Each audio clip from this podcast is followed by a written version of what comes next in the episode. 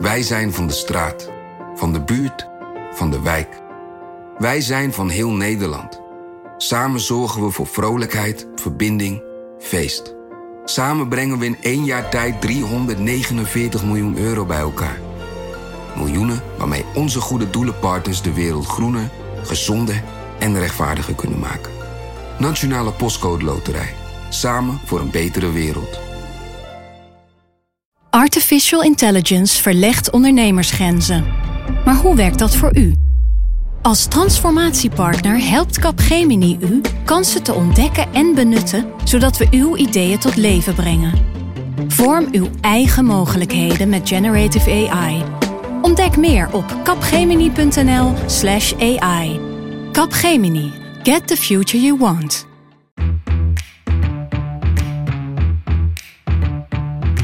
Dit is Haagse Zaken van NRC. Mijn naam is Lemia Aharwai.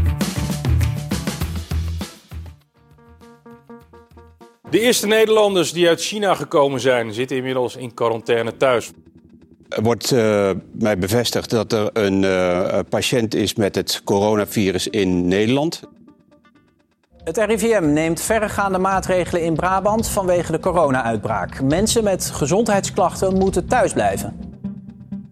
Vanaf dit moment stoppen we met handen schudden. Evenementen, bijeenkomsten met meer dan 100 personen worden in heel Nederland afgelast. Alle scholen in Nederland gaan dicht.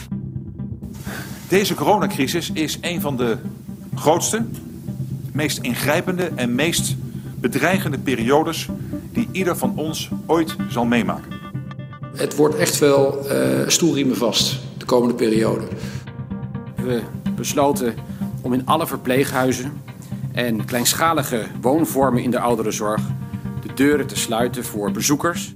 Alle samenkomsten, dat zijn evenementen en bijeenkomsten, verbieden we tot 1 juni. Per 11 mei gaan als aangekondigd de basisscholen en de kinderopvang gedeeltelijk weer open. Per 11 mei kunnen ook de meeste mensen met contactberoepen weer aan de slag. En dat kan pas als er ook een strak advies ligt van het Outbreak Management Team. Dat zal waarschijnlijk de laatste week van juni komen. En waaruit blijkt dat die verruimingen mogelijk zijn. En als dat niet zo is, dan gaat dat pakket niet door. Eerst onderschatting, daarna paniek en daarna controle. In de 16 weken waarin corona zich verspreidde door Nederland leek het lang alsof niet de politiek, maar de ziekte de regie had. Vanaf midden maart veegden Mark Liefse Adriaanse en Dirk Stokmans hun agenda leeg om zich nog maar met één ding bezig te houden: een reconstructie van hoe de epidemie zich in Nederland ontwikkelde en hoe daar bestuurlijk op werd gereageerd. In deze Haagse zaken hoor je over hoe ze journalistiek te werk zijn gegaan en wat in grote lijnen het belangrijkste is waar ze achter zijn gekomen. En ze zijn beide hier bij mij in de studio. Mark, Dirk, het is niet per se heel aardig om te zeggen. Mark, ik zie jou gapen. Dirk, ik heb jou wel eens frisser erbij zien zitten. Dankjewel. Hoe was het? Uh, ja, uh, vermoeiend, maar ook heel uh, interessant, leerzaam, heel gaaf om te doen. Um, en het ook een hele gekke tijd om dit te doen natuurlijk. Want terwijl we erover schreven of over belden, beleefden we het ook ieder op onze eigen manier. Hoe lang zijn jullie eigenlijk bezig geweest met dit stuk? nou, bijna drie maanden. Um, ik werd op maandagochtend 16 maart gebeld door Dirk. Die zei van, wij gaan een reconstructie maken. En toen dacht ik, nou, oké, okay, Dat is een mededeling. Uh, het was, ja, hij had er volgens mij ook al met wat andere mensen over gesproken. En dat was een voldongen feit. Dus ik dacht, nou, leuk. Hè, waarom niet? Interessant. Um, en het was eigenlijk ons idee van, uh, dit wordt uh, een aantal weken werk. En dan gaan we weer andere dingen doen. Mhm. Mm -hmm. En ik denk dat de afgelopen maand, dat we toen echt vol tijd hier aan gewerkt hebben. Um, dus ja, in totaal drie maanden hebben we aan dit stuk gewerkt. Ja, en, en leg eens uit, als je zegt we hebben aan dit stuk gewerkt, hoe, hoe zagen jullie agenda's eruit? Wat, hoe, hoe besteden jullie de dagen? Waren je gewoon de hele dag aan het bellen met bronnen? Ja, voor mij was het ja. gewoon zeg maar wakker worden. Uh, we zaten in de lockdown. Ik heb drie jonge kinderen thuis. Uh, dus die, die, die, die, moesten ook uh, geschoold worden en bezig houden. maar het is ja, gewoon met of zonder kinderen op schoot. Of schreeuwend of blij zingend achter je rug. Mensen bellen. De hele dag mensen bellen, stukken lezen. Bijhouden wat er op zo'n dag gebeurt. We hebben ook een dagboek bijgehouden. Um, en, en ja, gewoon volgen wat er gebeurt en vragen erover stellen aan de mensen die je dan belt. En steeds nadenken, wat heb ik nodig? Wat heb ik nodig om dat verhaal beter te vertellen? Wie moet ik dan bellen? Ja, en dus ook steeds in de gesprekken die we voeren nadenken van... oké, okay, wat is er gisteren gebeurd of deze week? En waar en weet deze persoon daar iets over? En kan ik daar, uh, of, en, ja, wil die daar wat over gaan zeggen? Moet ik deze persoon daarover gaan vragen? Dus continu schakelen tussen wat er actueel gebeurde, wat onwijs veel was, met de gesprekken die we voerden met de, de kennis van, of met de, de, afspraak eigenlijk van dat is voor over een poosje en niet voor de krant van morgen. Ja, we gaan het straks uitgebreid hebben over, de werk, over jullie werkwijze, want het is best wel uniek. Hè? Jullie hebben een stuk geschreven van uh, tien pagina's in de zaterdagkrant. Even om te vertellen, nou ja, dat is iets wat je in de krant niet zo snel krijgt. Ik bedoel, hoeveel woorden schrijf je voor een goed onderzoek, eh, krijg je voor een goed onderzoek? Als je echt mazzel hebt, zit je op de 2.500, 3.000 woorden. En, en dit is 12.000, meer dan 12.000 woorden. Ja. Dus meer dan vier keer zo lang. Laten we het even hebben over de hoofdlijn, of in ieder geval de, de belangrijkste conclusies uit al die maanden bellen en praten met, uh, met uh, bronnen. Als je het zouden moeten samenvatten, wat, waar zijn jullie achter gekomen? Wat is de rode lijn? Dat Nederland een te groot zelfvertrouwen had over de bestrijding van dit virus. En dat heeft geleid tot een onderschatting van dit virus. En dat is heel makkelijk om te concluderen met de kennis van nu. Maar we hebben juist gezocht ook naar of, je dat, of er destijds signalen waren. Of we destijds beter hadden kunnen weten. Nou, en er zijn gewoon een aantal momenten, en daar zullen we het zo verder over hebben. Waar dat het geval was. Waar signalen waren dat het virus serieuzer, gevaarlijker, besmettelijker was dan destijds. Verder verspreid al. Verder verspreid dan in de, de officiële lijn werd volgehouden. Ja, want als we nu kijken, weet je, het moment van nu, dan denk je, ja, corona is al, uh, beheerst al gewoon maandenlang de Nederlandse politieke agenda. Maar als je iets verder teruggaat in de tijd, 28 januari, toen speelde het zeker al in Wuhan. Toen was Thierry Baudet degene in de Kamer die er graag een, een debat over wilde gaan voeren. En het is wel goed om even terug te luisteren naar wat er toen gebeurde. Uh, Heike Veldman van de VVD die komt dan bij de interruptiemicrofoon te staan. En die zegt dan... Voorzitter, ik zou de heer Baudet willen feliciteren. Niet zozeer met zijn verjaardag, maar wel met het feit dat hij eindelijk ook voor de zorg aandacht heeft. Alleen deze is een beetje jammer. Want als hij gevolgd had wat de minister op dit moment doet... en hoe de minister de Kamer geïnformeerd heeft... dan gebeurt er al van alles is de minister bezig, zit hij er volgens mij bovenop. En inderdaad, wat collega dus geen zegt, steun. er is volgende week een AO-preventie. Daar kan ook de heer Blokhuis namens het kabinet denk ik wel toelichten. Dus geen steun. Ja, en dit is waar Veldman het over heeft. Hij verwijst naar een brief van Bruno Breins. Die is een paar dagen eerder verstuurd. En die zegt van nou, het virus uh, is waarschijnlijk niet zo besmettelijk. En uh, we hoeven niet zo zorgen te maken. Nederland is goed voorbereid.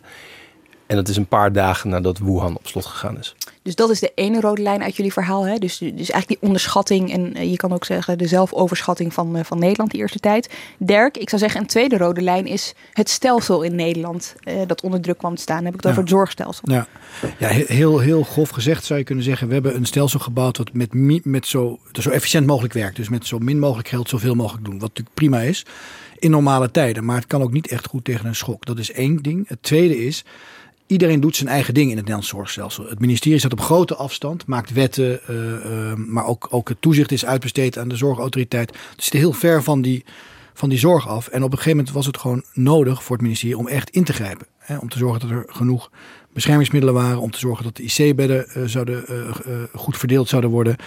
Um, om te zorgen dat er meer tests zouden komen. En de pogingen om dat voor elkaar te krijgen, die liepen tegen allerlei rare dingen aan. Hè? Dus het bekostigingsmodel, wie betaalt wat. Um, ook het feit dat ziekenhuizen bijvoorbeeld, maar ook anderen gewend zijn hun eigen ding te doen. Um, het is heel gedecentraliseerd. Het is gedecentraliseerd, maar er is ook natuurlijk concurrentie. Hè? Bijvoorbeeld, om een simpel voorbeeld te noemen. Laboratoria die die test doen, moeten ook uh, dingen naar, naar de opdrachten van GGD. En er zijn normaal concurrenten en nu moesten ze ook gaan samenwerken. Ja, wat me ook opviel in jullie reconstructie is hoezeer de politiek graag. Ik bedoel, dat merkten we natuurlijk ook wel tijdens die persconferenties en alles eromheen. Maar hoezeer de politiek graag de, het OMT en de RIVM naar voren schoof als degene die besloten. Ja, ja dat is op zich natuurlijk ook niet gek, want zij weten niks van virusbestrijding. Uh, uh, maar wat je merkt ook wel, en dat werd ook wel af en toe gezegd uh, in kringen rond de beslissende politici, van ja, het is ook wel prettig, want het, het, het is neutraal. Hè? En, en dan is het makkelijker ook te verkopen. Je moet het, niet, het moet geen politiek punt worden. En het maakt je ook minder kwetsbaar als het uh, verkeerd blijkt te zijn. Wat mij ook wel echt opviel tijdens het lezen van die reconstructie is het, zeg maar, het, uh, het gevoel op een gegeven moment van de totale chaos. Ja. Dus het begint, het begint heel langzaam. En op een gegeven moment, uh, ja. het best groot deel van jullie, ja. van jullie stuk, is het eigenlijk gewoon totale chaos. Gebeurt er heel veel tegelijkertijd ook. Wat erg, erg een mooie vergelijking vond ik van was, er was een microbioloog die zei: Het is heel lang ver weg en opeens is het een tsunami die over je heen komt. Ja. En het grappige was, ik sprak met een arts uh, in een ziekenhuis die zat te wachten op die patiënten. We wisten dat ze eraan komen, zouden komen. Maar toch kon ze nog niet geloven dat het zou gebeuren. Terwijl het gewoon evident was, want in Brabant gebeurde het al. Maar ze, ze, ze zei ook later, ik, zo, zo, zo werkte de mens blijkbaar. Je denkt dat het niet kan tot je het echt ziet. Dat is ook natuurlijk zo'n de menselijke conditie. Hè? Je moet het met je eigen ogen zien en dan Mhm. geloven. En dat, ik denk dat dat heel vaak gold. En dat mensen overvallen werden door de snelheid en door de, wat je dan allemaal moet doen om het bij te benen. Toch even over hoe die reconstructie tot stand kwam. Want het is- toch bijzonder wat jullie, wat jullie hebben gedaan. Jullie hadden het net over hoe, hoeveel jullie aan de telefoon hingen met verschillende bronnen. Maar hoe ga je in eerste instantie aan de slag met zo'n reconstructie? Ehm, ja, normaal gesproken, als je een reconstructie maakt, dan is er een heel overzichtelijke crisis, of het is een ramp, of het is een gebeurtenis geweest. En dan ga je zitten met de betrokkenen na afloop. En die hebben dan bewust of onbewust al be- bepaalde herinneringen geframed of belangrijk gemaakt. Ehm, hebben er observaties aan gehangen, indrukken, ehm, gedachten. Ehm, en je hebt misschien een uur of twee uur met ze wat we hier wilden doen is juist vanwege. Nou, we wisten toen begon niet wanneer we zouden eindigen. Dus het was niet overzichtelijk met een begin en een einde. We wilden met de mensen gaan zitten terwijl we. We wilden met de mensen gaan spreken terwijl, ze, terwijl het gebeurde. We wilden er eigenlijk bij zijn zonder er echt direct bij te zijn. Ehm, en dat doe je door mensen eh, zoveel mogelijk te spreken op het moment dat het kan. Dus we hebben heel veel mensen, eigenlijk vanaf het begin van de crisis, wekelijks of twee wekelijks gesproken, waardoor de gesprekken die je normaal gesproken een afdracht doet in een uurtje, ja, met die mensen hebben nu zes, zeven, acht, negen uur gesproken in totaal. Dat lijkt me extra waardevol, omdat je dan ook zeg maar, de emotie van dat moment meekrijgt. Dus als je erop terugkijkt, dan eh, zit je er misschien wat zakelijker in. Maar op het moment dat de IC's vol liggen of dat er echt geen mondkapjes meer zijn en je spreekt iemand die daarover verantwoordelijk is, eh, als dat het geval is geweest bij jullie, dan, dan, dan neem je die emotie, die hoor je dan ook. Ja, het, het leuke is dat, dat we nu gesprekken, gespreksverslagen van twee maanden geleden kunnen teruglezen en dan gewoon zien waar mensen mee bezig waren, wat hun gemoedstoestand was. Ja. Dat is heel waardevol. En je ziet namelijk ook hoe mensen hun verhaal veranderen naarmate de tijd vordert. En ze het meer doorkrijgen dat wat ze eerder deden. Misschien, in, maar dit is misschien niet bewust hoor, eh, maar dat, dat het gewoon.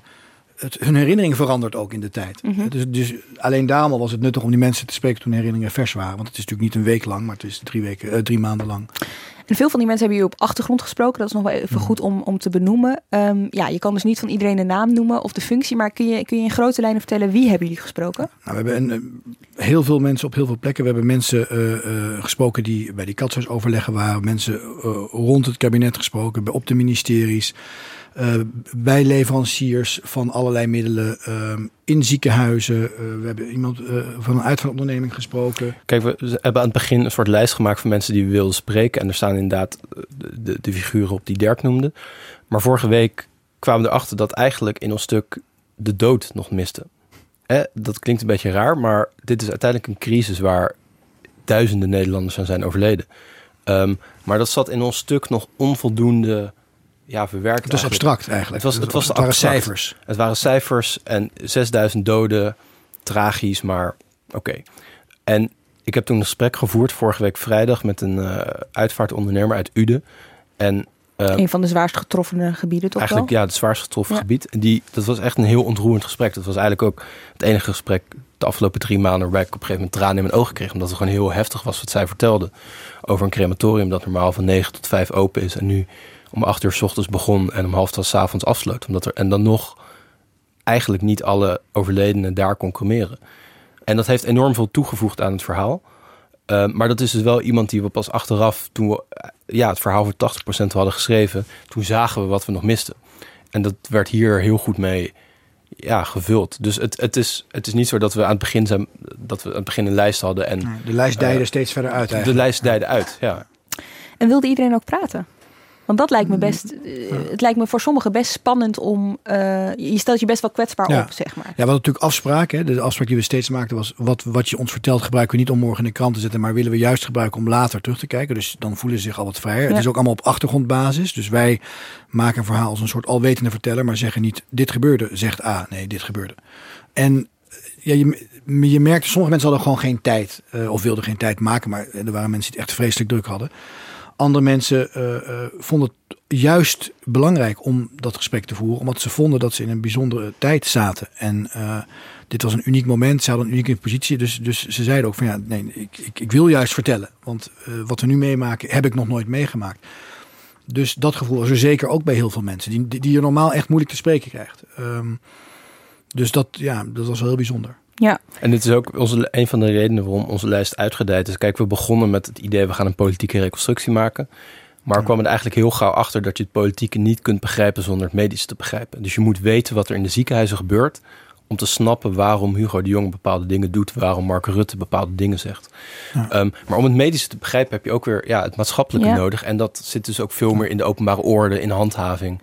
Dus op die manier is, onze, ja, is ons bronnenboekje steeds uitgebreid, omdat we gewoon steeds zagen, oké, dit is super interessant. Ja. Maar kunnen we eigenlijk pas begrijpen door op die en die plek mensen te gaan En dat was ook geen politieke crisis, hè? dat was een maatschappelijke crisis. Precies. Dus je kan niet een, je kan het, het is idioot om het te reconstrueren met alleen wat er in de kamers op de ministeries gebeurt. Want die hadden, wat ze deden had daar direct gevolg, wat niet altijd zo is voor wat er in de maatschappij gebeurde. Hè? Op ministeries wat daar gebeurt, heeft soms drie jaar later gevolg of in de peilingen.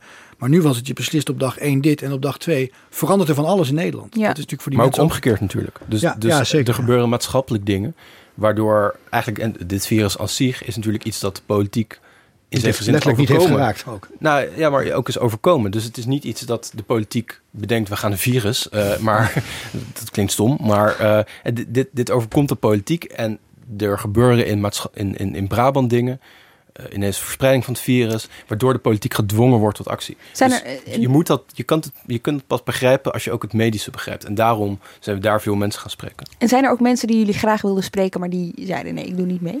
Nou, bij het RIVM was het moeilijk om, eh, om, om, om- onder de voorwaarden die we met heel veel anderen hadden. Hè, dus dus eh, achtergrondgesprekken voor de lange termijn. eh, om daar met mensen te spreken. En dat was, zeiden zij, en dat vind ik een hele plausibele reclame. Want het is gewoon, ja, er is nul. Bij, bij hen was er nul tijd. Ze zaten natuurlijk in het oog van de storm. Eh, En, en, ja, en, en nu zeggen ze ook eh, van ja, we willen ook zelf de tijd nemen om terug te kijken. En we hebben nog steeds heel erg druk. En als we nu halve antwoorden gaan geven op, op, op, op vragen, dan, dan maken we misschien fouten, willen we niet.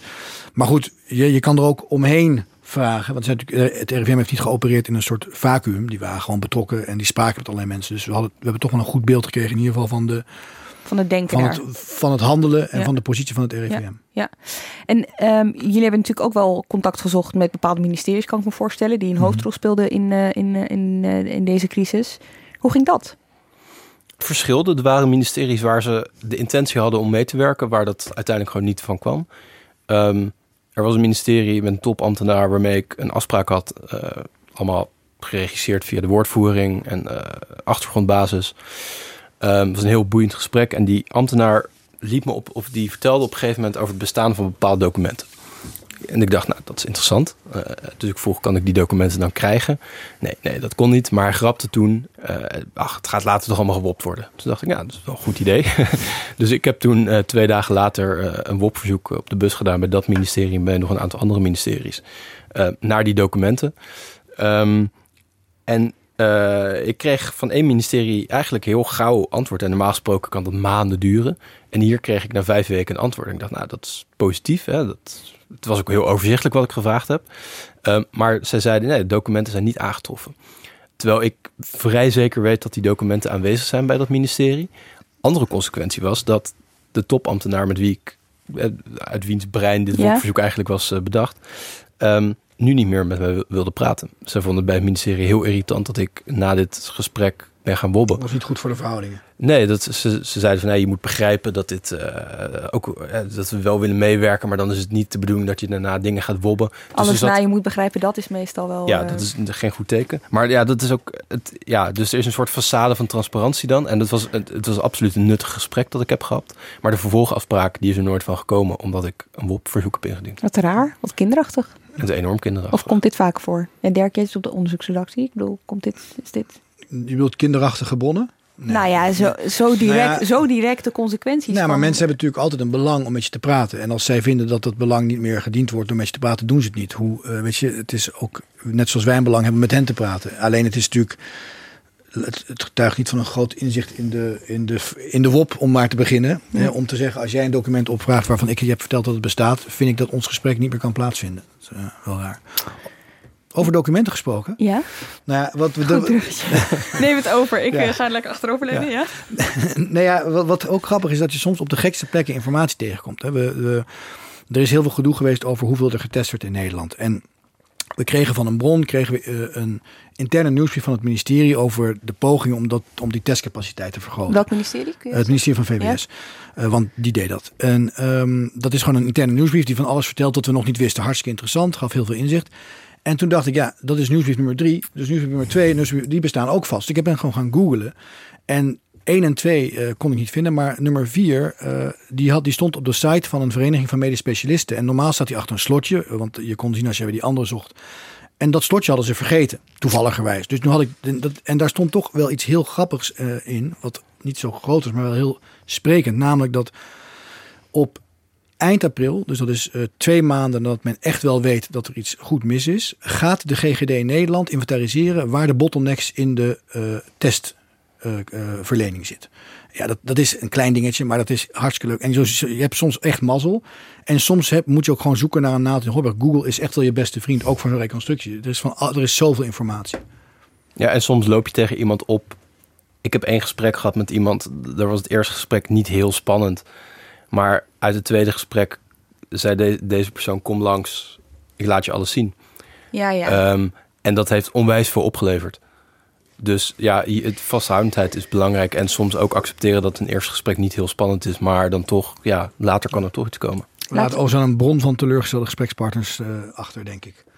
Ja, dat kan ik me, heel, nee, ja, dat kan ik me heel goed voorstellen. Mensen die natuurlijk uh, elke week uh, netjes met jullie gebeld ja, hebben. Nou, ik, ik, zeker. Ik heb deze week ook iemand, een, zo, een van die mensen, gemaild en gezegd van... joh, ik weet dat we wekenlang, elke week, dat ik in een hele drukke periode veel van je tijd gevraagd heb. En ik kan me voorstellen dat je teleurgesteld bent dat het uiteindelijk één zin heeft opgeleverd in het stuk.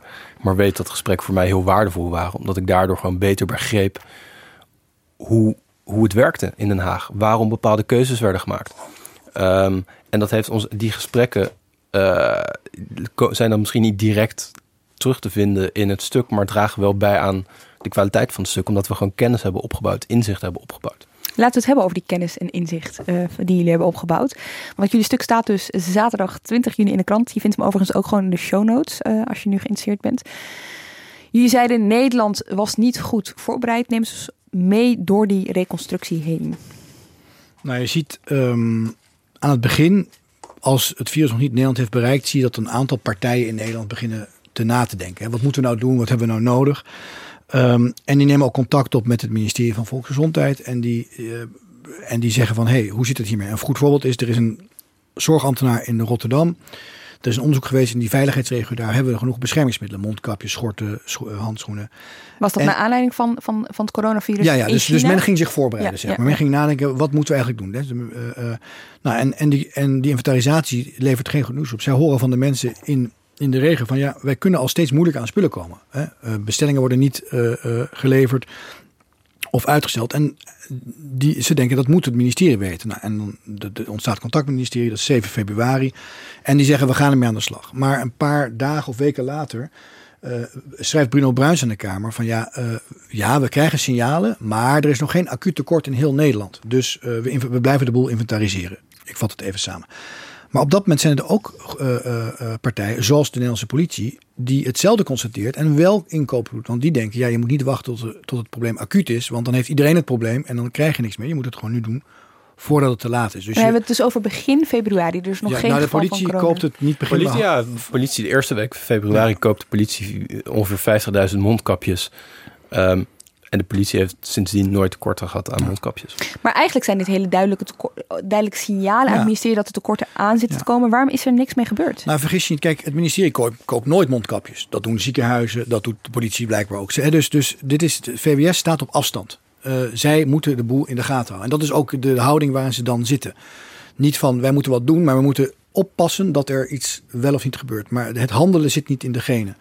Um, organisaties die wel gewoon dingen moeten doen, zoals ziekenhuizen, het EMC in Rotterdam, koopt ook mondkapjes in die tijd. Want die denken ook, die hebben net toevallig een pandemieoefening gehad. Um, en een van de dingen waar ze achter kwamen is dat je al snel veel spullen nodig hebt. Dus die, doen, die bestellen 80.000 ja, mondkapjes. Normaal ja. genoeg voor een, voor een heel jaar. Bij. Nou, normaal gesproken voor, uh, genoeg voor 10 maanden. Ja. En achteraf denken ze, hadden we er maar 800.000 besteld. Maar op Ja. dat moment denken ze dus 80.000, dat moet genoeg zijn.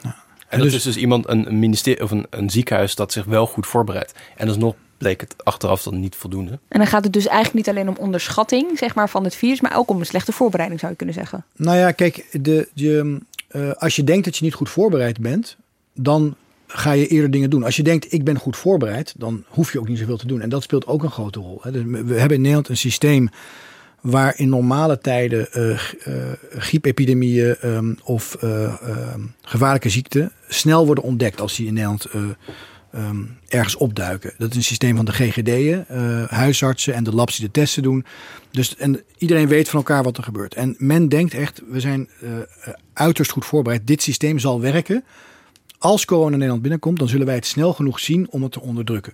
En als je, dat, als je daarvan overtuigd bent, dan kan je ook hè, achteroverleunen en wachten tot het, er, tot het er is. Want dan weet je, als het er is, dan houden we het in de hand. Het is dus eigenlijk gewoon een heel groot vertrouwen in het eigen systeem.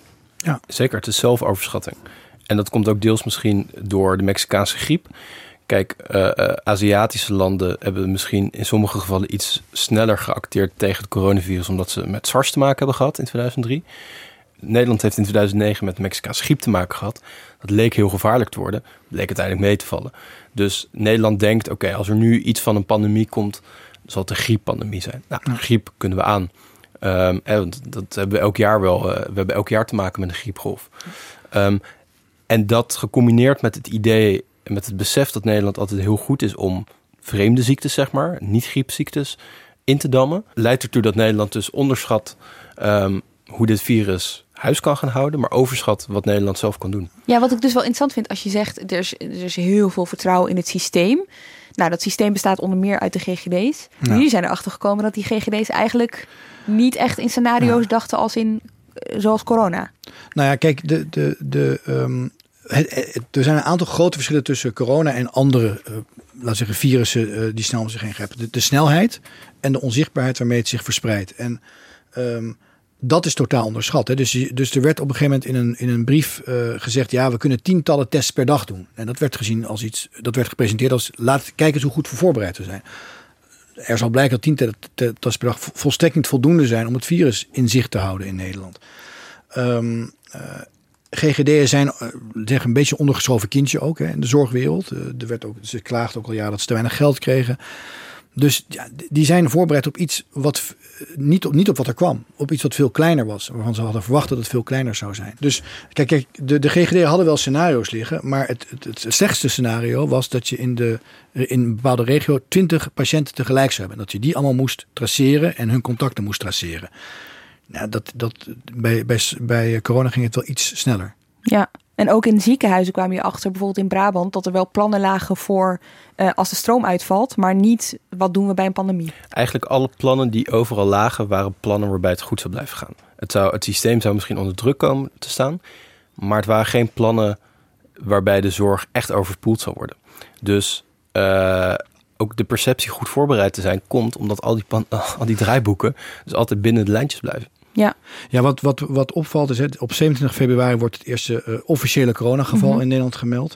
Later zal het Imperial College Londen terugrekenen op basis van mensen die later zijn overleden. Dat er op dat moment waarschijnlijk al tussen de 3 en 9000 besmette mensen in Nederland waren. Die berekeningen die het Imperial College Londen later zal maken. Er is een arts-microbioloog in Brabant die dat eigenlijk in die tijd al ziet. Dus in die eerste dagen van maart um, gaat hij mensen testen in het uh, ziekenhuis uh, waar hij werkt, Amphia ziekenhuis in Brabant personeel en patiënten die niet voldoen aan de, uh, de regels uh, die gelden voor wie je zelf niet zou moeten testen. Um, en die regels zeggen bijvoorbeeld dat je uit een risicogebied moet komen. Hè? Want dan denkt iedereen nog, het komt van buiten naar Nederland. Dus je hoeft niet mensen te testen die niet in het buitenland zijn geweest. Of die geen contact hebben gehad met andere bekende patiënten.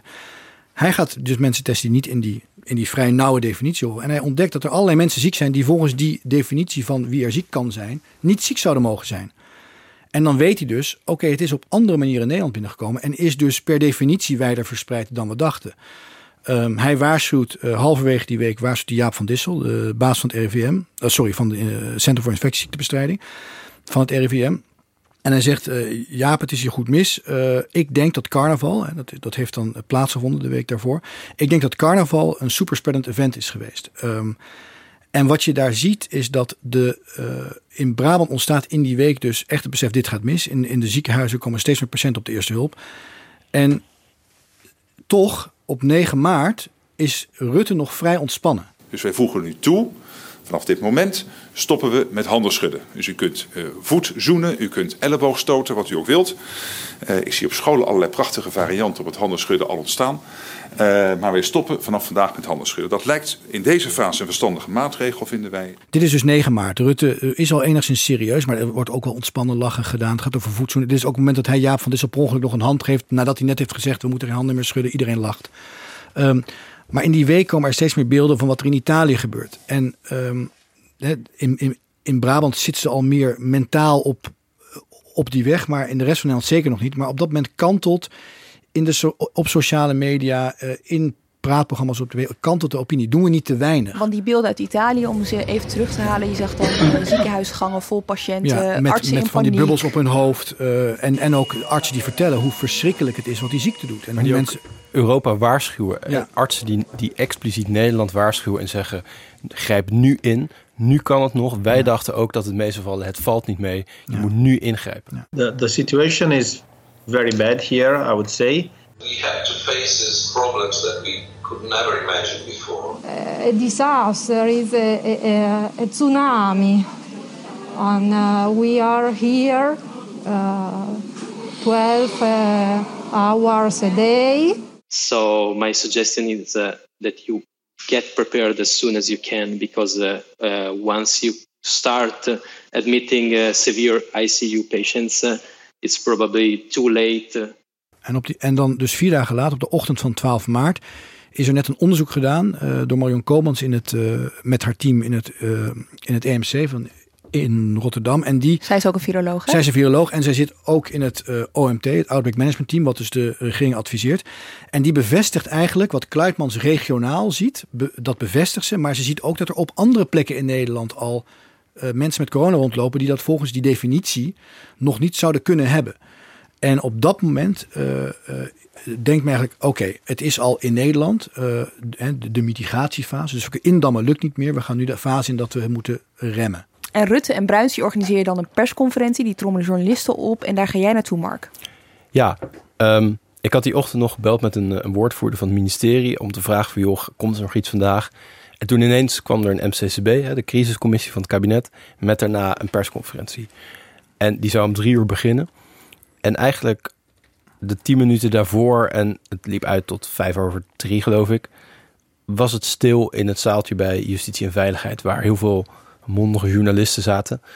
En er heerste echt een gevoel van, hier gaat iets komen. Hè. Dit is een historisch, of een spanning eigenlijk. Van er, er, gaat iets aangekondigd worden.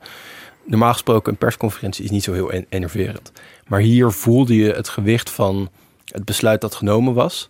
En dat aangekondigd zou gaan worden in de zaal. in Namelijk wordt opgeroepen thuis blijven, zoveel mogelijk thuiswerken, werkgelegenheid musea dicht, evenementen afgelast. Ehm, en het virus is al in Nederland verspreid. En direct daarna werd er ook gehamsterd. Hè? Dus bij wijze van spreken, de, de persconferentie is nog niet afgelopen. eh, en je ziet dat in de schappen gaan mensen foto's maken op, eh, de- van schappen die leeg raken. En... Heb je, heb je zelf gehamsterd eigenlijk, Dirk? Nee, zeker, kan ik niks over zeggen. Nou, Ja. hier Nee, ga ik even wat inside informatie Precies, ik geven moet eerlijk over de toegeven dat, eh, dat ik eh, eh, eh, met de marktinformatie een, eh, een eh, illegale inkoop heb gedaan. Nog voor de persconferentie begon ben ik naar de winkel gestapt. Wat ik heb gekocht weet ik niet meer, maar het was het toen nog wel. Nee, maar ik weet namelijk nog wel, want jullie zaten dan in de Nou, zaal. wij zaten maar aan tafel. Wij zaten aan tafel Ja, op de inderdaad op de redactie. En, eh, we- En zo toen zei het komt nou wel heel dichtbij. Nou ja, ik, dacht, ik was dus al die hele week bezig met zijn jullie aan het hamsteren. Eh, Sukkels, moet je, moet erachter. Moet je, moet je nou wel of niet inslaan? En op dat moment zag je, ja, voelde je wel een soort van omslag of zo. Ja, nee, maar ook, ook eh, dat was ook gewoon zo. Ik, ik kan me herinneren, ik was er met collega Pim van der Doel en we zijn toen echt weggelopen bij die persconferentie van wow. En in de adrenaline van dat moment hebben we in no time een, een stuk van duizend woorden geschreven dat een half uur later online stond. Omdat je voelt, en dat is het, misschien ook een beetje, als, je, als we het hebben over onze werkwijze, het is als journalist ook gewoon een onwijs enerverende tijd. Ehm, om midden in een crisis te zitten en daar verslag van te doen. Ja. En die energie voelden we toen, denk ik. Maar het was ook, het waren ongekende maatregelen. Waarbij Nederland dus eigenlijk dacht, op deze manier kunnen we het virus nog afremmen. En wat dus, wat dus interessant is, is dat het wordt dan echt serieus genomen in Den Haag. En er wordt ook gerekend van eh, wanneer. eh, Het besef is al ook, ja, de IC's die gaan vol raken. Want dat weten we intussen uit Italië. En er wordt berekend dat dat. eh, ergens in de zomer zal gebeuren. Dus dan denk je, nou, er is nog tijd. Berekend door het RIVM. Door het RIVM, ja. En, ehm, maar voor de tweede keer eigenlijk in twee weken is het uh, misschien wel, misschien niet toevallig weer die arts-microbioloog Kluitmans in Brabant. Van het Amphia ziekenhuis. Van het Amphia ziekenhuis. Die, die maandagochtend, eh, 16 maart is dat, eh, die maakt een eigen berekening. En die, eh, eh, die kijkt eigenlijk hoeveel mensen zouden er nou in Brabant besmet moeten zijn geweest een paar weken geleden om het aantal doden dat we nu hebben te verklaren. En die mensen, hoeveel hebben die intussen andere mensen besmet? En hij komt met berekeningen die hij zelf niet kan geloven. Dus hij, de, hij- minstens 42.000 mensen in Brabant alleen al zouden eh, nu besmet moeten zijn. En hij rekent door en hij komt erachter, ja, als dat zo is, dan loopt niet in de zomer eh, eh, de IC-bedden vol. Nee, dan hebben we in Brabant binnen, binnen een week al een enorm probleem. Nou, en hij blijkt gelijk te hebben. En je ziet weer dat die boodschap, hij beseft hoe, de, hoe urgent die is. Het duurt vier dagen voordat hij eigenlijk leidt tot actie op het ministerie. En dat is niet heel gek, want het is dezelfde week dat Bruno Bruins omvalt, letterlijk in de Kamer. Want wat doet hij als hij, dat, eh, als hij die Ja. berekening heeft? Wat doet hij dan? Hij, hij belt eerst de regionale, ziek, eh, de regionale coördinator acute zorg. Die gaat ermee naar de topambtenaar voor de eh, ziekenhuiszorg op het ministerie. Die is bezig met de voorbereiding van het debat. Want er is dan een enorm debat woensdagavond. En daar zijn ze al dagen mee bezig. Er komen vijf ministers, ontzettend veel vragen. Iedereen zit er natuurlijk nu wel bovenop. Hè. De Kamer die eerst nog lacherig zei dat het allemaal niet nodig was. Die, die, nu wil iedereen weten hoe het zit. Dus die, die, ambtenaar is helemaal naar binnen gericht, naar, naar de Kamer toe. Wat willen die weten, wat moeten we doen? We moeten zorgen dat de minister dat goed kan doen. En er is gewoon geen mentale ruimte voor iets wat eigenlijk totaal onmogelijk lijkt. Namelijk, nee, niet in de zomer hebben we een probleem. We hebben aan het eind van de week een probleem. En eh, die ambtenaar zegt dan, eh, laat het even doorrekenen door de modelleur van het RIVM. En als die het eh, zegt dat, die, dat het klopt, dan gaan we... En, nou, twee dagen nadat Kluitmans via die regionaal coördinator naar het ministerie stapt, op donderdag... De dag dat dus Hugo de Jong het overneemt, zeggen ze: Oké, dit, is, dit is gewoon de werkelijkheid. Dit is nieuw, dit, hier moeten we wat mee doen. Ehm, en twee dagen daarna ziet iedereen in Nederland op, op eh, het journaal hoe de ambulances met eh, eh, intens zieke patiënten van Brabantse ziekenhuizen naar boven de rivieren worden vervoerd. Omdat het gewoon te vol Omdat zit. het te vol zit. Ja. Of te vol dreigt te lopen. Maar die week die jij nu beschrijft, hè, waarin dus die, die Kluitmans eh, die melding doet bij VWS, waarin Bruno Bruins omvalt, waarin Hugo de Jong het overneemt van Bruno Bruins. Best wel een bepalende week geweest eigenlijk, toch? Of in ieder geval een heel chaotische week het is, ook. Het is on- onwijs chaotisch. En ik denk dat dit een week is waarin je dus ziet... Nederland denkt genoeg gedaan te hebben. Of hoopt genoeg gedaan te hebben. Maar wordt gewoon meermaals achter of ingehaald door de werkelijkheid. En heeft alsnog niet voldoende gedaan om een ramp te voorkomen. Het is ook in de, in de crisis, als, je, als ik terugkijk en ik pak jullie stuk erbij, is, lijkt het ook wel een bepalend moment te zijn. Want op het moment dat Hugo de Jonge bij VWS de taken overneemt van Bruno Bruins, dan begint VWS iets, VWS iets meer de regie te nemen, centraal aan te sturen. Ja, ja, er ontstaat gewoon een besef dat een aantal dingen niet, niet door, de, door het stelsel zelf goed komen. Hè. Dat, dat, dat besef ontstaat ook omdat de Brabantse ziekenhuizen gewoon niet zelf meer die patiënten naar andere ziekenhuizen kunnen uitplaatsen. Dat is het eerste teken. Maar die roep om beschermingsmiddelen, die is natuurlijk al, die is begonnen al eh, eind januari. Maar die zwelt maar aan, die zwelt maar aan, die zwelt maar aan. En dan is ook het, testbeleid wordt ernstig bekritiseerd. Want, hoe, want hoe weet je nou waar het virus is als je niet genoeg mensen test? Nou, en, en op die drie punten, dus zowel eh, hoeveel je het kan testen, hoeveel beschermingsmiddelen je hebt en hoe je de IC-capaciteit in Nederland zo goed mogelijk gebruikt, probeert Hugo de Jonge eh, met zijn ambtenaren grip te krijgen. Ja, en Bruins, rondom het kabinet zien ze al dat Bruins in de weken richting eh, zijn aftreden, dat Bruins, die wordt geroemd door betrokkenen als iemand die uitstekend zijn normale werk kon doen. Waarmee ze volgens mij probeert te zeggen dat hij deze crisis gewoon niet aankon. Dat ze zien dat dit hem over eh, te veel wordt. Te grote dossiers. ehm, topambtenaren komen niet meer bij hem binnen, gewoon geestelijk. En dan komt er de jongen die veel minder afwachtend is en die veel meer van de actie is. Hè? Daar, daar staat hij bekend om in Den Haag. Ja. Eh, maar ook die jongen loopt toch wel tegen iets aan. Als het gaat bijvoorbeeld om dat testbeleid, dan maakt hij een belofte al begin april. Precies. Dus dit is hoe, wat hij doet. Hij, hij belooft iets en dan hoopt hij dat daardoor, door die belofte, eh, dingen ook gebeuren. En dat is, werkt natuurlijk vaak ook zo. Als je heel voorzichtig bent en pas iets belooft als het al geregeld is, dan duurt het eindeloos. Hij belooft en hoopt dat het goed gaat. En dat gaat bij testbeleid niet goed. Eh, hij belooft eind maart, 6 april, kunnen alle zorgmedewerkers buiten ziekenhuizen ook worden getest. Er is enorm veel roep naar, want die voelen zich onbeschermd. Ehm, en zijn bang ook dat ze de mensen wie ze verzorgen aansteken. Maar het, eh, dat, dat, op 6 april is het zeker nog niet zover. Er zijn allerlei problemen weer in dat zorgstelsel, zorgstelsel waardoor het niet makkelijk lukt. Heb je het dan gewoon over bureaucratie? Nou ja, het is, het, is, het is het systeem wat er is, moet helemaal veranderen. Hè? Want het is in Nederland, elke GGD heeft afspraken met een lab, het ziekenhuizen ook. Maar dat werkt niet genoeg, want je hebt niet op alle plekken altijd evenveel testen nodig. Dus het idee is, we moeten het allemaal herverdelen. Dus we gaan centraal kijken wie er moet testen. We gaan alle materialen die je nodig hebt voor testen ook centraal verdelen. Dus iedereen moet zich aansluiten daarbij. Nou, dat is om een aantal redenen lastig. De labs die het op dat moment doen, dat zijn die labs die deel uitmaken van dat goede systeem voor infectieziekteherkenning. Die vinden dat de labs die daaraan worden toegevoegd, dat die niet van hetzelfde niveau en van dezelfde kwaliteit zijn. Dus die verzetten zich eerst tegen die herverdeling. Ehm, het RIVM dat de richtlijnen moet schrijven zodat die zorgmedewerkers getest gaan worden, die, die breidt die richtlijnen niet op 6 april in één keer uit, maar die doet dat in vijf stappen die voor heel veel verwarring zorgen in de sector. Pas op 12 mei is de richtlijn dat je echt direct kan worden getest als je als zorgmedewerker buiten een ziekenhuis ziek bent. De GGD'en die volgens die richtlijnen mensen wel of niet moeten testen, lijken niet helemaal door te hebben wat er allemaal verandert. En die weigeren mensen die volgens de belofte van Hugo de Jonge wel al getest zouden mogen worden. Dus het is een ontzettend chaotische tijd rond dat testen. En Ja. dat is nu allemaal voorbij. Hè. Nu kan je, als je ziek bent, ook gewoon als je eh, totaal niet vitaal bent, zeg maar. Je belt. Eh een van ons aan deze tafel heeft dat meegemaakt. Ik kan er niks over Looking zeggen. at you, Mark. Ja, Ja. je belt, eh, je krijgt een afspraak, je gaat erheen, vaak op een eh, parkeerterrein of eh, eh, als je Naast de auto- Kuip in mijn geval. Precies. Als je in de auto zit, hoef je geen eens, hoef je alleen het raampje open te doen. En één of twee dagen later eh, is de uitslag binnen. Deed het pijn, Mark? Nee, maar het is ook niet heel plezierig. Ik, ik, ik had van tevoren die foto's gezien dat je ziet hoe diep het wattenstaafje je neus ingaat. Ja, precies. Dat schrikt nogal dat af. schrikt af. En het is niet prettig, maar ik vond... Ja, het, het was minder erg dan ik vreesde. Ja, ja. Sorry, en ik was even overigens negatief hoor, voor, eh, voor Oh de ja. record. Dat is heel goed dat je dit erbij zegt. Maar even los, even los van dit zijpaadje. Want eh, ik, ik vond het wel heel interessant om Hugo de Jonge eh, te zien in die, in die rol. Want je zag, zeg maar, je wil het liefst als minister op zo'n moment iets zeggen en dat het dan meteen gebeurt. Nou ja, je, toont nu aan met dat testen dat dat minder snel gaat. Ja.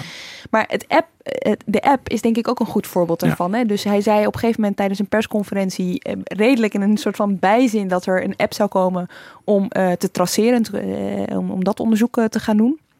Maar er was eigenlijk nog helemaal niks over bekend verder. Nee, het, het, het OMT had geadviseerd dat er een app met een app gewerkt zou kunnen worden. Omdat eh, als je wil, eh, weer wilt versoepelen, dan zul je nieuwe uitbraken moeten indammen. En dat kan je snel doen door mensen op te sporen. En dat zou kunnen door een app. Ehm, in andere landen werd er al mee geëxperimenteerd. En dat stond zo in dat OMT-advies. En Hugo de Jonge las dat en dacht, nou, dat is interessant. En die heeft dat toen zonder al te veel rugspraak binnen zijn ministerie diezelfde avond nog aangekondigd. In de hoop dat er snel een app zou zijn. Hè. Er is ook volgens mij het weekend erop zo'n appathon geweest op het ministerie. Ja, dat was geen succes. Dat was geen, eh, zeg maar, gerust, ge- dat is geflopt. Eh, ondertussen wordt er wel degelijk aan een app gewerkt, die wordt al getest. Maar de hoop van Hugo de Jonge dat er binnen een paar weken een werkende app zou zijn die alle Nederlanders zouden hebben, ja, dat, daar heeft hij misschien ook zijn eigen kunnen overschat. Maar de, de, de, de vraag is altijd, wat, wat was er gebeurd als hij het niet had gedaan? Als hij niet die overdreven optimistische belofte had gedaan. Was, er dan, was het dan sneller gegaan? Was het dan niet gebeurd? Dat weet je niet. En, maar het is wel zo dat, het voor, dat die belofte wel voor veel verwarring zorgt. En soms ook voor ergernis. Want mensen moeten gaan lopen. Terwijl ze eigenlijk nog helemaal geen marsorders hebben gekregen. Ja. En als jullie nou even terugkijken op, deze, op, op wat we nu allemaal hebben besproken. Hè, ehm, wat zagen jullie gebeuren? Nou ja, kijk, wat je volgens mij aan het begin ziet is wat we, we zeiden. Je hebt eerst eh, eh, zelfoverschatting. Dat zorgt voor ehm, ja, een soort slaperigheid. En men wordt te, te langzaam wakker. En dat keert dus in die gekke weken van midden maart, keert dat heel erg. En dan komt er een ontzettende race tegen de klok om dat virus weer in te halen. En dat zie je gebeuren met het testbeleid, met de beschermingsmiddelen, ehm, eh, met, met eh, eh, die patiënten, die IC-verdeling. En nu zitten we in een soort status quo in zekere zin, waarin we zitten te wachten ook op een volgende golf. Maar waarin dingen die eerst, die misschien aan het begin of eerder geregeld hadden kunnen, zijn nu beter geregeld. Er zijn noodvoorraden Er is beschermingsmiddelen. in Zeist, langs een, een verlaten weg geloof ik, is een eh, enorme opslag waar honderdduizenden mondkapjes liggen. En, maar dat zijn ook dingen waarvan je misschien eerder Met de had wijsheid van kunnen nu. denken. Nou, kijk, je kan, je kan natuurlijk zeggen, eh, eh, een virologen waarschuwen al jaren dat er ooit weer een pandemie zou komen. En dan zou je kunnen zeggen, als land zijnde, we hebben een noodvoorraad nodig, een nationale noodvoorraad. Ehm, dat had Nederland niet. En dat is volgens mij ook gewoon een consequentie van waar Dirk het net over had. Het Nederlands zorgsysteem rond efficiëntie gebouwd. Um, dus als je het niet nodig hebt, dan kost het eigenlijk alleen maar geld. Hetzelfde met de IC-bedden. Nederland heeft relatief weinig IC-bedden per miljoen inwoners. In totaal 1150 in normale tijden. Dat is in normale tijden eigenlijk altijd wel net genoeg. Of net te weinig, maar niet maar het, problematisch. Het, ja. het is nooit problematisch. De, en je zou dan kunnen zeggen, waarom geef je niet elk, zorg je niet dat elk ziekenhuis meer IC-bedden heeft? Maar ja, die zouden dan eigenlijk bijna altijd leeg staan.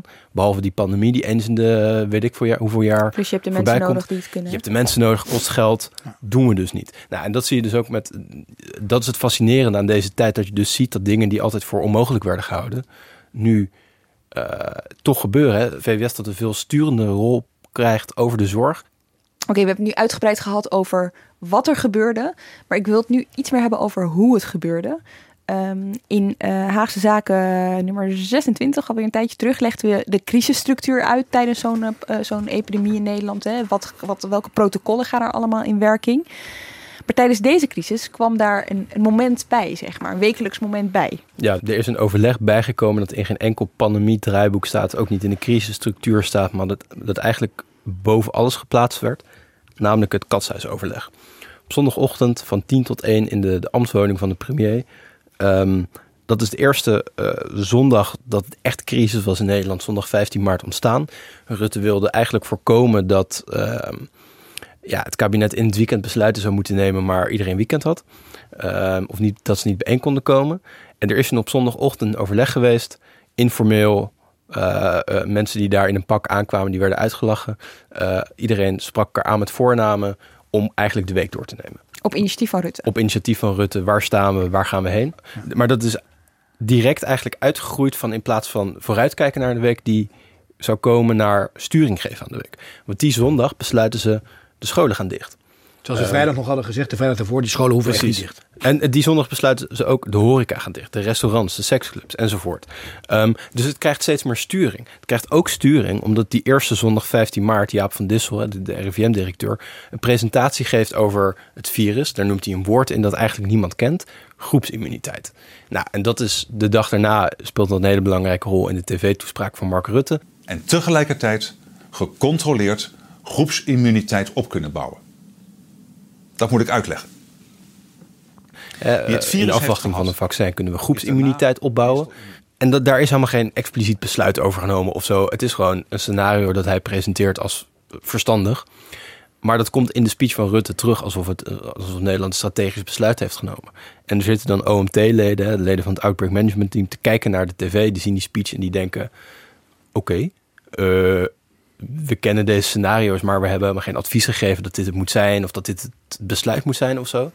Wie zit er daarbij? Wie zit er daar dan allemaal bij? Want niet het hele OMT-team schuift aan, begrijp ik. Uh, wie wel? Er zijn een paar vaste leden. Mark Rutte, de vicepremiers, een paar adviseurs van die uh, premiers. Uh, er zit een topambtenaar bij de secretaris-generaal van Volksgezondheid, Paul Huids, die eigenlijk nu rond deze tijd naar financiën zou gaan, maar deze crisis nog is aangebleven.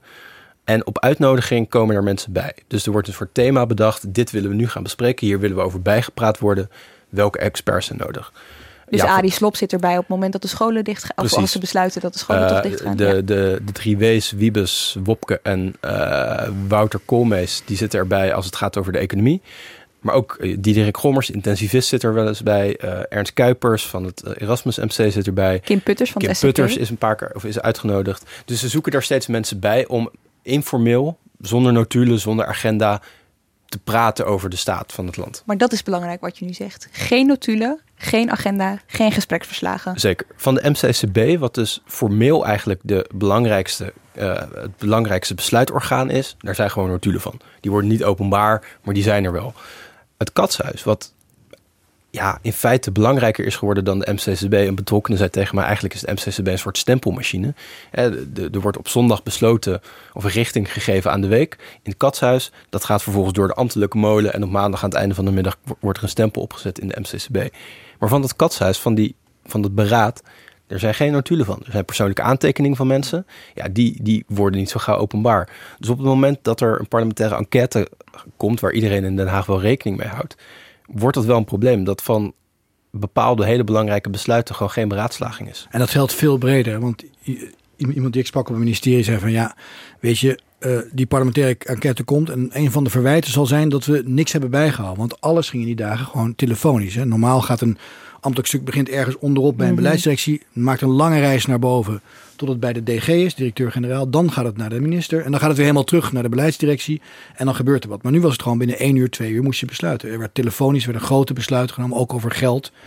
Um, die zijn allemaal nooit vastgelegd. Die zijn ook niet meer terug te halen. Uh, dus een van de elementen in deze crisis zal zijn dat, dat, die, dat die, hoe die zich binnen afspeelde, zal moeilijk te reconstrueren zijn. Maakt het parlementaire werk straks die, die controlerende taak moeilijk, maar eigenlijk ook onze controlerende taak. Want je kan niks woppen wat er niet is. Ja, ja dus je moet het doen met, met reconstrueren en met mensen praten. Ja. En zelfs stukken die er soms wel zijn, die krijg je dus ook soms niet. Ja, precies. En even, even terug naar het katshuis, want uh, je noemde al groepsimmuniteit. Weet je wel, dat is daar geboren, of eigenlijk het idee daarvoor is daar geboren. Wat zijn andere grote beslissingen om gewoon even aan te tonen hoe belangrijk dat katshuisoverleg was, die daar zijn genomen? De week erop het NL-alert. Um, dat is het weekend, het is heerlijk weer. Het is eigenlijk het, eerste echte voorjaarsweekend van, van, van, van dit jaar. Um, en het is op zaterdag heel druk. Dat zien ze op zaterdagavond bij de SCTV. Zij denken op zondagochtend misschien moeten we een NL-alert gaan sturen. Onderweg naar het katshuis uh, ziet uh, Albersberg, dat is de NCTV, de concepttekst. Die legt hij voor aan het katshuisberaad. Ze zeggen daar, nou, doen we. En vlak een paar minuten daarna trillen alle telefoons in het katshuis. En dus ook het moment dat bijvoorbeeld die uitbrenging van de maatregelen, die de, uh, de 23e worden aangekondigd, wordt ook op het katshuis eigenlijk, hè, het is er heel mooi weer. De cijfers van Kluipmans zijn net binnen. Is weer, oh, nou, dat wordt, er, ja, dat wordt daar ook uh, gewoon de, afgekaart. De term intelligente lockdown wordt daar geboren. Um, de een, een me, uh, anderhalve meter samenleving ontstaat daar uit een presentatie van Erik Wiebes, die het dan nog de anderhalve meter economie noemt. Um, er is daar een hele felle discussie geweest over code zwart op de intensive care. Hè, waar deze week ook al over ging. Wat moet er gebeuren? Welke afwegingen moeten er gemaakt worden om patiënten te weigeren als uh, intensive cares vol liggen? Als er één bed is, maar drie patiënten. Daar is, in het... ik, ik blijf nu toch een beetje achter met, met, uh, met het idee: is het dan bewust gedaan om zeg maar dat soort grote uh, beslissingen op een informeel, op een... Nee, dat, kan nee, dat denk ik niet. Nee. Want mensen praten ook gewoon met ons erover. Hè. Het is niet dat het, uh, het is gewoon, het, ik denk dat Rutte inderdaad dacht van ja, we kunnen niet het weekend niks doen.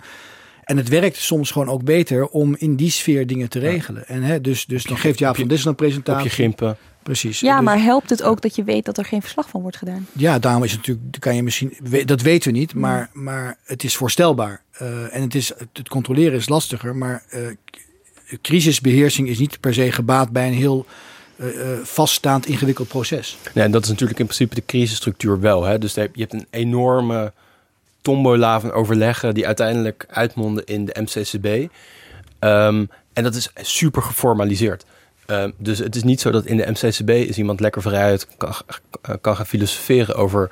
Uh, goh, Nederland met anderhalve meter. Hoe zal dat er eigenlijk uitzien? Nou, dat kan in het katshuis wel. Daar hebben ze gewoon zondagochtend de state of mind uh, om uh, uh, ja, hierover te praten. Dus daar, daar was ook gewoon de gemoedstoestand van deze mensen was op zondagochtend heel anders dan wanneer ze op maandag in het crisiskabinet zaten. Een van de mensen die steeds bij dat katshuisoverleg zat, ik, ik, moet het toch nog eventjes benoemen, is natuurlijk Hugo de Jonge geweest. En deze donderdag maakte hij bekend dat hij lijsttrekker wil gaan worden van het CDA. Nou, valt op aan zijn strategie dat hij corona daarin heel erg gebruikte. Dat dat het, dat, dat het moment was waarvan hij dacht, uh, ik moet dit gaan doen. Dat hij een van degenen was die opstond om die crisis te gaan, uh, te gaan leiden. Juist nu, juist nu het zwaar is. Juist nu we met z'n allen uh, die crisis te boven moeten komen als één samenleving. Juist nu wil ik graag naar voren stappen. Ik ben grootgebracht in een partij die gewend is verantwoordelijkheid te willen dragen, juist als het moeilijk wordt. in die traditie wil ik ook staan en daarom stel ik mijn kandidaat als lijsttrekker voor het CDA. Ik vraag me af, als jullie die reconstructie, als je terugkijkt op die reconstructie, denken jullie dat hij, dat, dat hij het moeilijk gaat krijgen? Omdat, nu we meer om, om de manier waarop hij gehandeld heeft. Ja, uh, ja. Nou ja, er zullen, in ieder geval mensen zullen het aangrijpen om, om het hem moeilijk te maken, denk ik. Ik, ja, ik denk dat het, uh, je kan het toch nooit helemaal goed doen. Weet je, dus hij, heeft, hij kan wel laten zien, ik heb dingen geprobeerd te doen.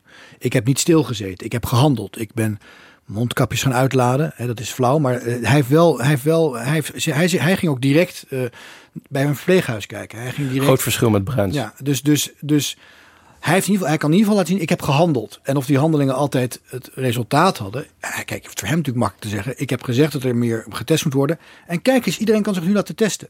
Hij zegt ook En al het- meteen, hè, dat valt ook heel erg op van... eh, natuurlijk zijn er fouten gemaakt. Precies, Die want het ingewikkelde verhaal ja. ertussen, ja, dat is heel moeilijk eh, te vertellen. Je kan heel makkelijk zeggen, ik heb dat gezegd en toen is dat gebeurd. Wat ertussen misging, ja, dat, dat, dat moet je dan als oppositiepartij maar proberen uit te leggen. Dat is hartstikke saai. Dus dat is niet een eh, eh, eh, bizarre strategie. En je moet ook bedenken, waar zou die anders mee kunnen scoren? Ja, maar het, het, het moeilijke is denk ik dat er natuurlijk nog, nog, dat er nog van alles kan gebeuren tussen nu en de verkiezingen volgend jaar, Maarten. Het, het kan dat, dat er najaar een piek komt, een tweede golf die nog veel erger is dan de eerste. Waarbij de Jong alsnog veel fouten maakt en Rutte ook door het ijs zakt. En dat, dat is niet volledig ondenkbaar.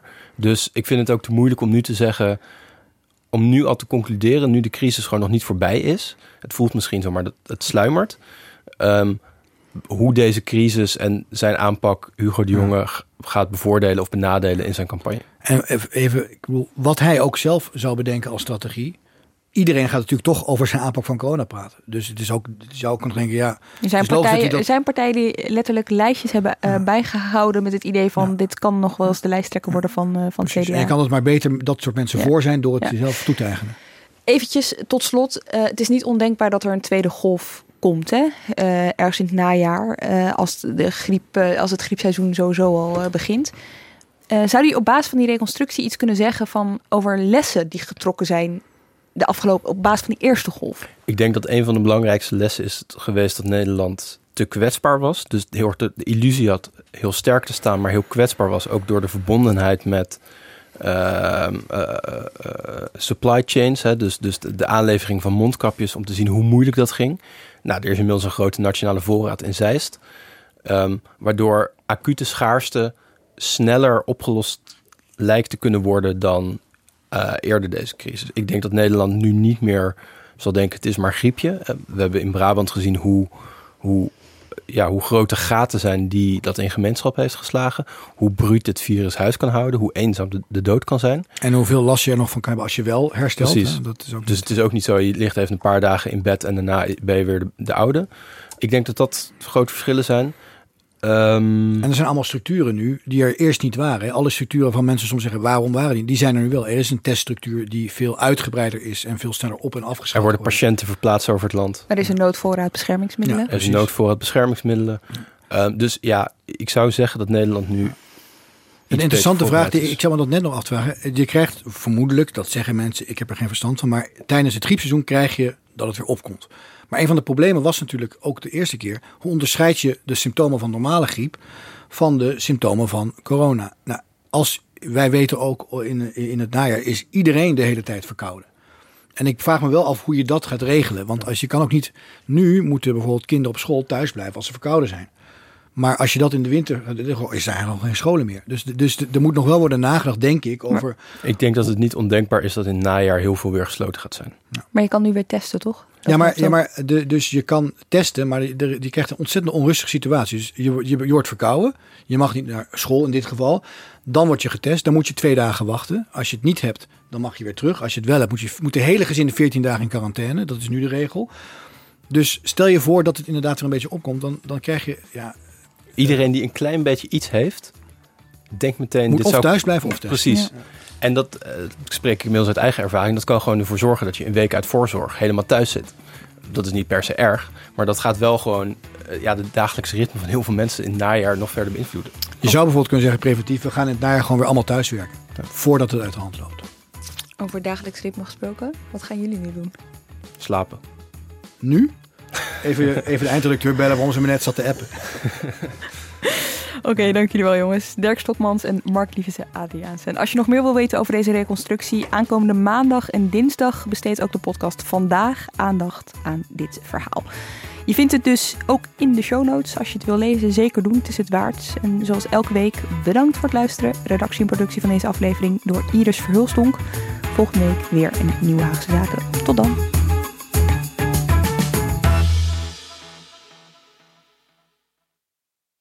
Je hebt aardig wat vermogen opgebouwd. En daar zit je dan, met je ton op de bank. Wel een beetje saai, hè? Wil jij, als belegger, onderdeel zijn van het verleden of van de toekomst? Bridgefund is een slimme fintech die een brug slaat tussen de financiële behoeften van ondernemers en van beleggers. Dus wie belegt bij Bridgefund krijgt niet alleen een mooie vaste rente, maar brengt ook ondernemers in beweging. Echt waar. Met die ton kan je zoveel betere dingen doen. Bridgefund. Make money smile.